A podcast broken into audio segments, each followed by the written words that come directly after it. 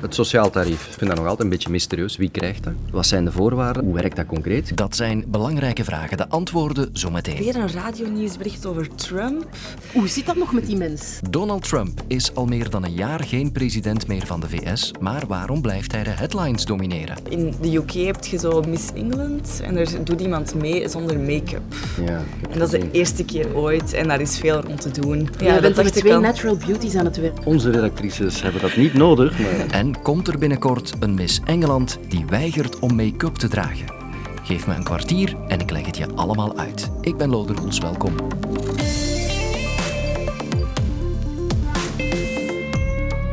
Er lijkt geen rem te staan op de stijgende energieprijzen. We betalen nu al tien keer meer voor gas en elektriciteit dan een jaar geleden. En gelukkig kan het sociaal tarief de pijn wat verzachten voor heel wat mensen. Goed voor wie er recht op heeft, dat is waar, maar frustrerend voor wie er net buiten valt. VRT Nieuws bracht vandaag het verhaal van Kelly. Zij kreeg vroeger het sociaal tarief, maar moet nu weer de volle pot betalen. En dat maakt een enorm verschil.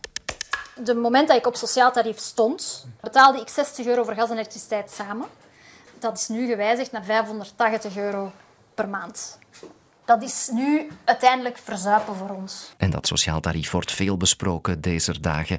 Is het een wondermiddel of een labmiddel? Moeten we het uitbreiden of volstaan de huidige voorwaarden? Het lijkt alsof iedereen er wel een mening over heeft. Maar hoe zit dat sociaal tarief precies in elkaar? Collega Sophie legt het uit in één minuut. Wat? Het sociaal tarief is een sterk verlaagd tarief voor je elektriciteit en gas. Het is geen vast bedrag, maar het is wel veel voordeliger dan de commerciële tarieven, zeker nu. Wie? Je kan het sociaal tarief krijgen als iemand in je gezin een uitkering of een tegemoetkoming krijgt. Zoals bijvoorbeeld een leefloon of een tegemoetkoming voor mensen met een handicap. Ook wie in een sociale woning woont in een gebouw met een gemeenschappelijke gasverwarming kan het krijgen. En sinds de coronacrisis hebben ook mensen met verhoogde tegemoetkoming van het ziekenfonds er recht op. Alles samen zijn dat 880.000 Belgische gezinnen. Hoe? Een deel van de doelgroep krijgt automatisch het sociaal tarief voor energie, maar lang niet iedereen. Meestal is dat omdat mensen die verhoogde tegemoetkoming van het ziekenfonds niet aangevraagd hebben of niet weten dat ze daar recht op hebben. Als je denkt dat je het sociaal tarief onterecht misloopt, dan is aankloppen bij je ziekenfonds dus een eerste goede stap. Oké, dat is duidelijk. Goed, Kelly, dat hoorden we eerder, valt dus uit de boot. En haar verhaal maakte veel los. Vaak van mensen die in hetzelfde schuitje zitten, zoals Kaat en Tini, die ons contacteerden.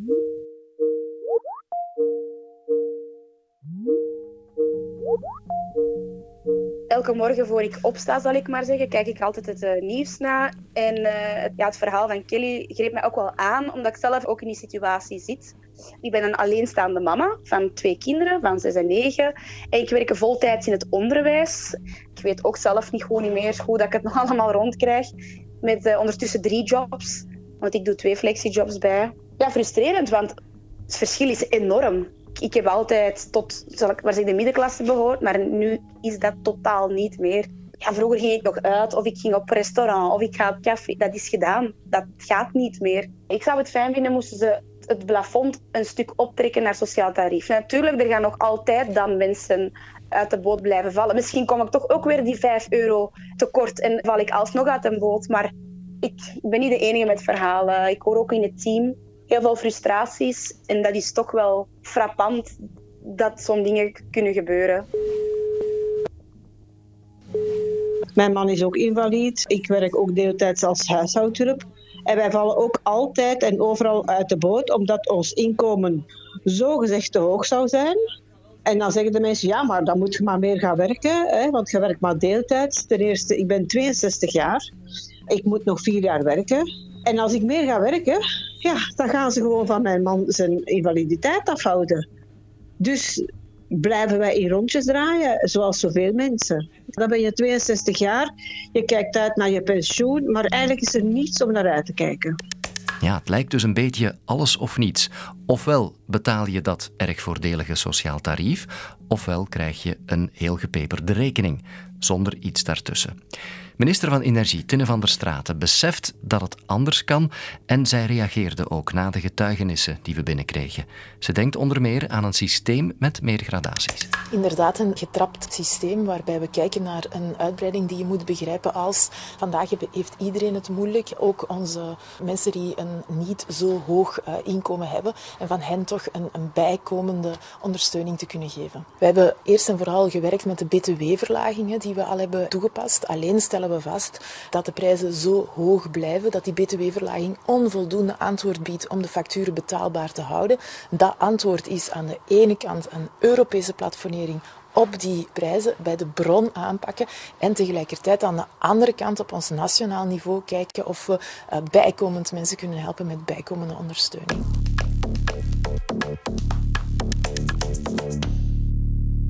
I, Donald John Trump, do solemnly swear that I will faithfully execute the office of President of the United States. De 45ste president van de Verenigde Staten is intussen al ruim, wat is het, anderhalf jaar weg uit het Witte Huis.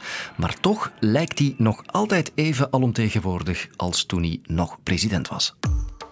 Some breaking news. The Justice Department today released this photo of the documents seized. You just saw it in the raid on former President Trump's Mar a Lago estate. An unprecedented development, the home of former President Donald Trump. Sources tell ABC News that Mar-a-Lago was raided by FBI agents. We do have some breaking news to bring you out of Washington, where the U.S. Justice Department has just unsealed a key document related to its investigation of Donald Trump. With some breaking news right now on ABC News Live, a federal judge in Florida has granted former President Trump's request for a special master to oversee those documents seized by the FBI from Mar-a-Lago.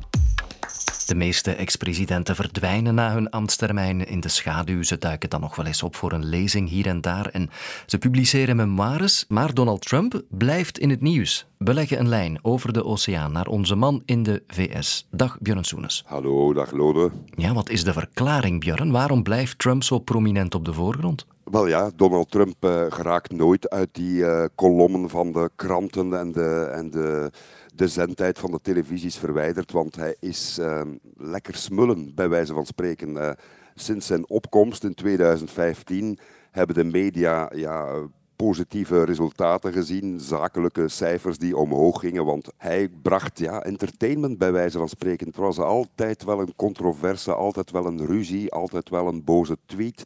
Hij is een historische figuur. Eigenlijk zou hij moeten snel vergeten raken, want hij is een van de weinige presidenten in de afgelopen 40, 50 jaar die maar één termijn uh, verkozen zijn. Maar ja, kijk, hij heeft zijn verlies niet aanvaard en heeft miljoenen mensen zo ver gekregen om dat verlies ook niet te slikken. En hij teert op woede en angst. En die zijn niet weggegaan met het verdwijnen van Trump uit het Witte Huis. Nee, en heel recent um, heeft hij die nieuwe aandacht te danken, en ik zet het tussen aanhalingstekens aan wat de FBI heeft gedaan. Hè? Dat klopt. Door documenten mee te nemen uit het Witte Huis, ook uitermate geheime documenten, en justitie is gealarmeerd omdat daar ook defensiegeheimen bij zaten. Men had al gevraagd om die documenten terug te geven. Hij had gezegd, kijk, ik heb hier nog een paar dozen staan, je krijgt die terug. Dat is dan ook gebeurd, maar bleek uit die archieven dat er nog van alles ontbrak. Opnieuw die vraag gesteld, we hebben niks meer. En toen is er overgegaan tot een huiszoeking en dan all hell broke loose, want uh, dit is uh, niet om, om het gerecht te laten zegevieren, zegt Donald Trump. Het is een heksenjacht tegen mij. En daar heeft hij al zeven jaar lang opgeteerd op het feit dat hij een strijd voert, een gevecht als een Don Quixote tegen het establishment. Ja, hij is erin geslaagd om aan een grote schare kiezers te zeggen: het is niet alleen tegen mij gericht, ze komen ook achter u aan daar zit het dieperliggende probleem waardoor Donald Trump zo belangrijk blijft. Hij heeft uh, een soort vaatje vol woede aangeboord dat er al lang zat voor Trump.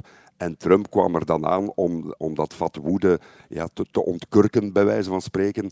En die woede stroomt er nog altijd uit. En op die woede teert Donald Trump nog altijd. En dat is de reden waarom hij er nog altijd zit. Ik ga jou tot slot nog de vraag stellen die je wellicht het vaakst krijgt uh, deze dagen. Zien we Trump ooit nog uh, in het Witte Huis? Wat denk je? Kijk, hij heeft in 2020 verloren met de, de, de woordenschat die hij nu gebruikt en het radicalisme. Nu geloof ik niet dat hij in het Witte Huis geraakt. Maar tegelijk, het Trumpisme is springlevend En het zou wel eens kunnen dat een kandidaat die iets gedisciplineerder uh, is in zijn bewoordingen, uh, maar toch de woede aan de waggel houdt, dat die wel succesvol kan zijn in 2024. Björn Soenes vanuit de VS, dankjewel.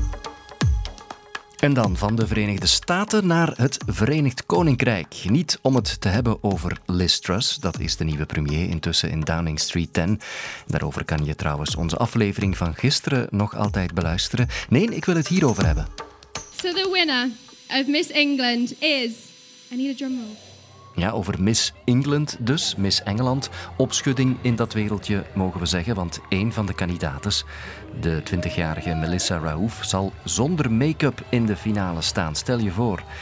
Dat is nu plots wereldnieuws, want dat is nog nooit gebeurd in de 94-jarige geschiedenis van die misverkiezing. En ze legt zelf uit waarom ze dat doet. So all too often women are pressure to look a certain way and bit beautiful due to society's narrow perception of what beauty is. And that's kind of why I made the statement that you don't need to wear makeup to conform to these beauty standards, as I believe beauty, true beauty is in our inner confidence. And that's why I went without no makeup on. Vrouwen voelen druk om te voldoen aan het schoonheidsideaal dat de samenleving oplegt, zegt ze, terwijl echte schoonheid van binnen zit en make-up dus helemaal niet nodig is. Vandaar mijn statement, zegt Melissa. Nu, de laatste keer dat ik als man en radiomedewerker make-up heb gedragen was een week of twee geleden, als ik me niet vergis. Toen moest ik voor de lancering van deze podcast een reeks foto's laten maken. Maar ik, met een laagje make-up, dat blijft toch uitzonderlijk en onwennig, vooral ook, terwijl het voor sommige collega's hier in huis bijna een dagelijks ritueel is. Ik uh, ga even vragen aan Annelies van Herk, die zo meteen het, uh, het 1 uur journaal uh, presenteert. Annelies, jij zit nu in de schminkkamer, in de make-upkamer hier. Hoe belangrijk is make-up voor jou als je op tv komt? Niet superbelangrijk, maar ook niet onbelangrijk. Ik denk dat het de aandacht zou afleiden. Moest ik niks schmink hebben op mijn gezicht, dan denk ik dat de mensen even niet zouden luisteren naar wat ik aan het vertellen ben. Maar ik vind ook wel, het mag allemaal natuurlijk blijven. Het moet niet uh, overdadig. Het is geen showprogramma dat wij doen. It has to fit the function, denk ik, de make-up. Zou je overwegen om zonder make-up op het scherm te komen? Niet meteen, ik heb niet, niet de nood daaraan, maar bij wijze van statement vind ik, het wel, vind ik het wel interessant. Want ik vind vooral, maar ik ben dan ook een, een oudere vrouw aan het worden, ik vind vooral verbazingwekkend hoe jonge meisjes zich verhullen achter vreselijke lage en lage en lage make-up. Maar ik ga niet de vragende partij zijn om dat te doen, want ik zeg het, ik denk niet dat de kijker iets zou gehoord hebben wat ik vertel. En uiteindelijk is dat het belangrijkste voor mij, dat ze luisteren naar wat we zeggen.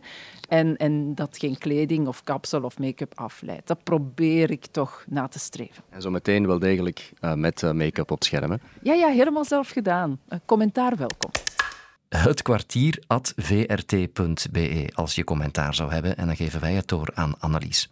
Maar goed, naturel of toch maar een laagje make-up omdat het de standaard lijkt. Wat denkt Josephine Dalemans daarover? Josephine Dalemans is auteur van De Naakte Waarheid en dat is een boek over body positivity. Zij herkent de maatschappelijke druk. Voor veel vrouwen ligt er nogal wel wat druk om make-up te moeten dragen. Het is zo vanzelfsprekend dat jonge vrouwen en vrouwen in het algemeen make-up dragen, dat zodra zij dat niet doen, dat dat blijkbaar een statement is van kijk, ik draag geen make-up, terwijl dat, dat gewoon voor hen misschien een logische keuze is. Er zijn verschillende redenen waarom je dat niet zou willen doen.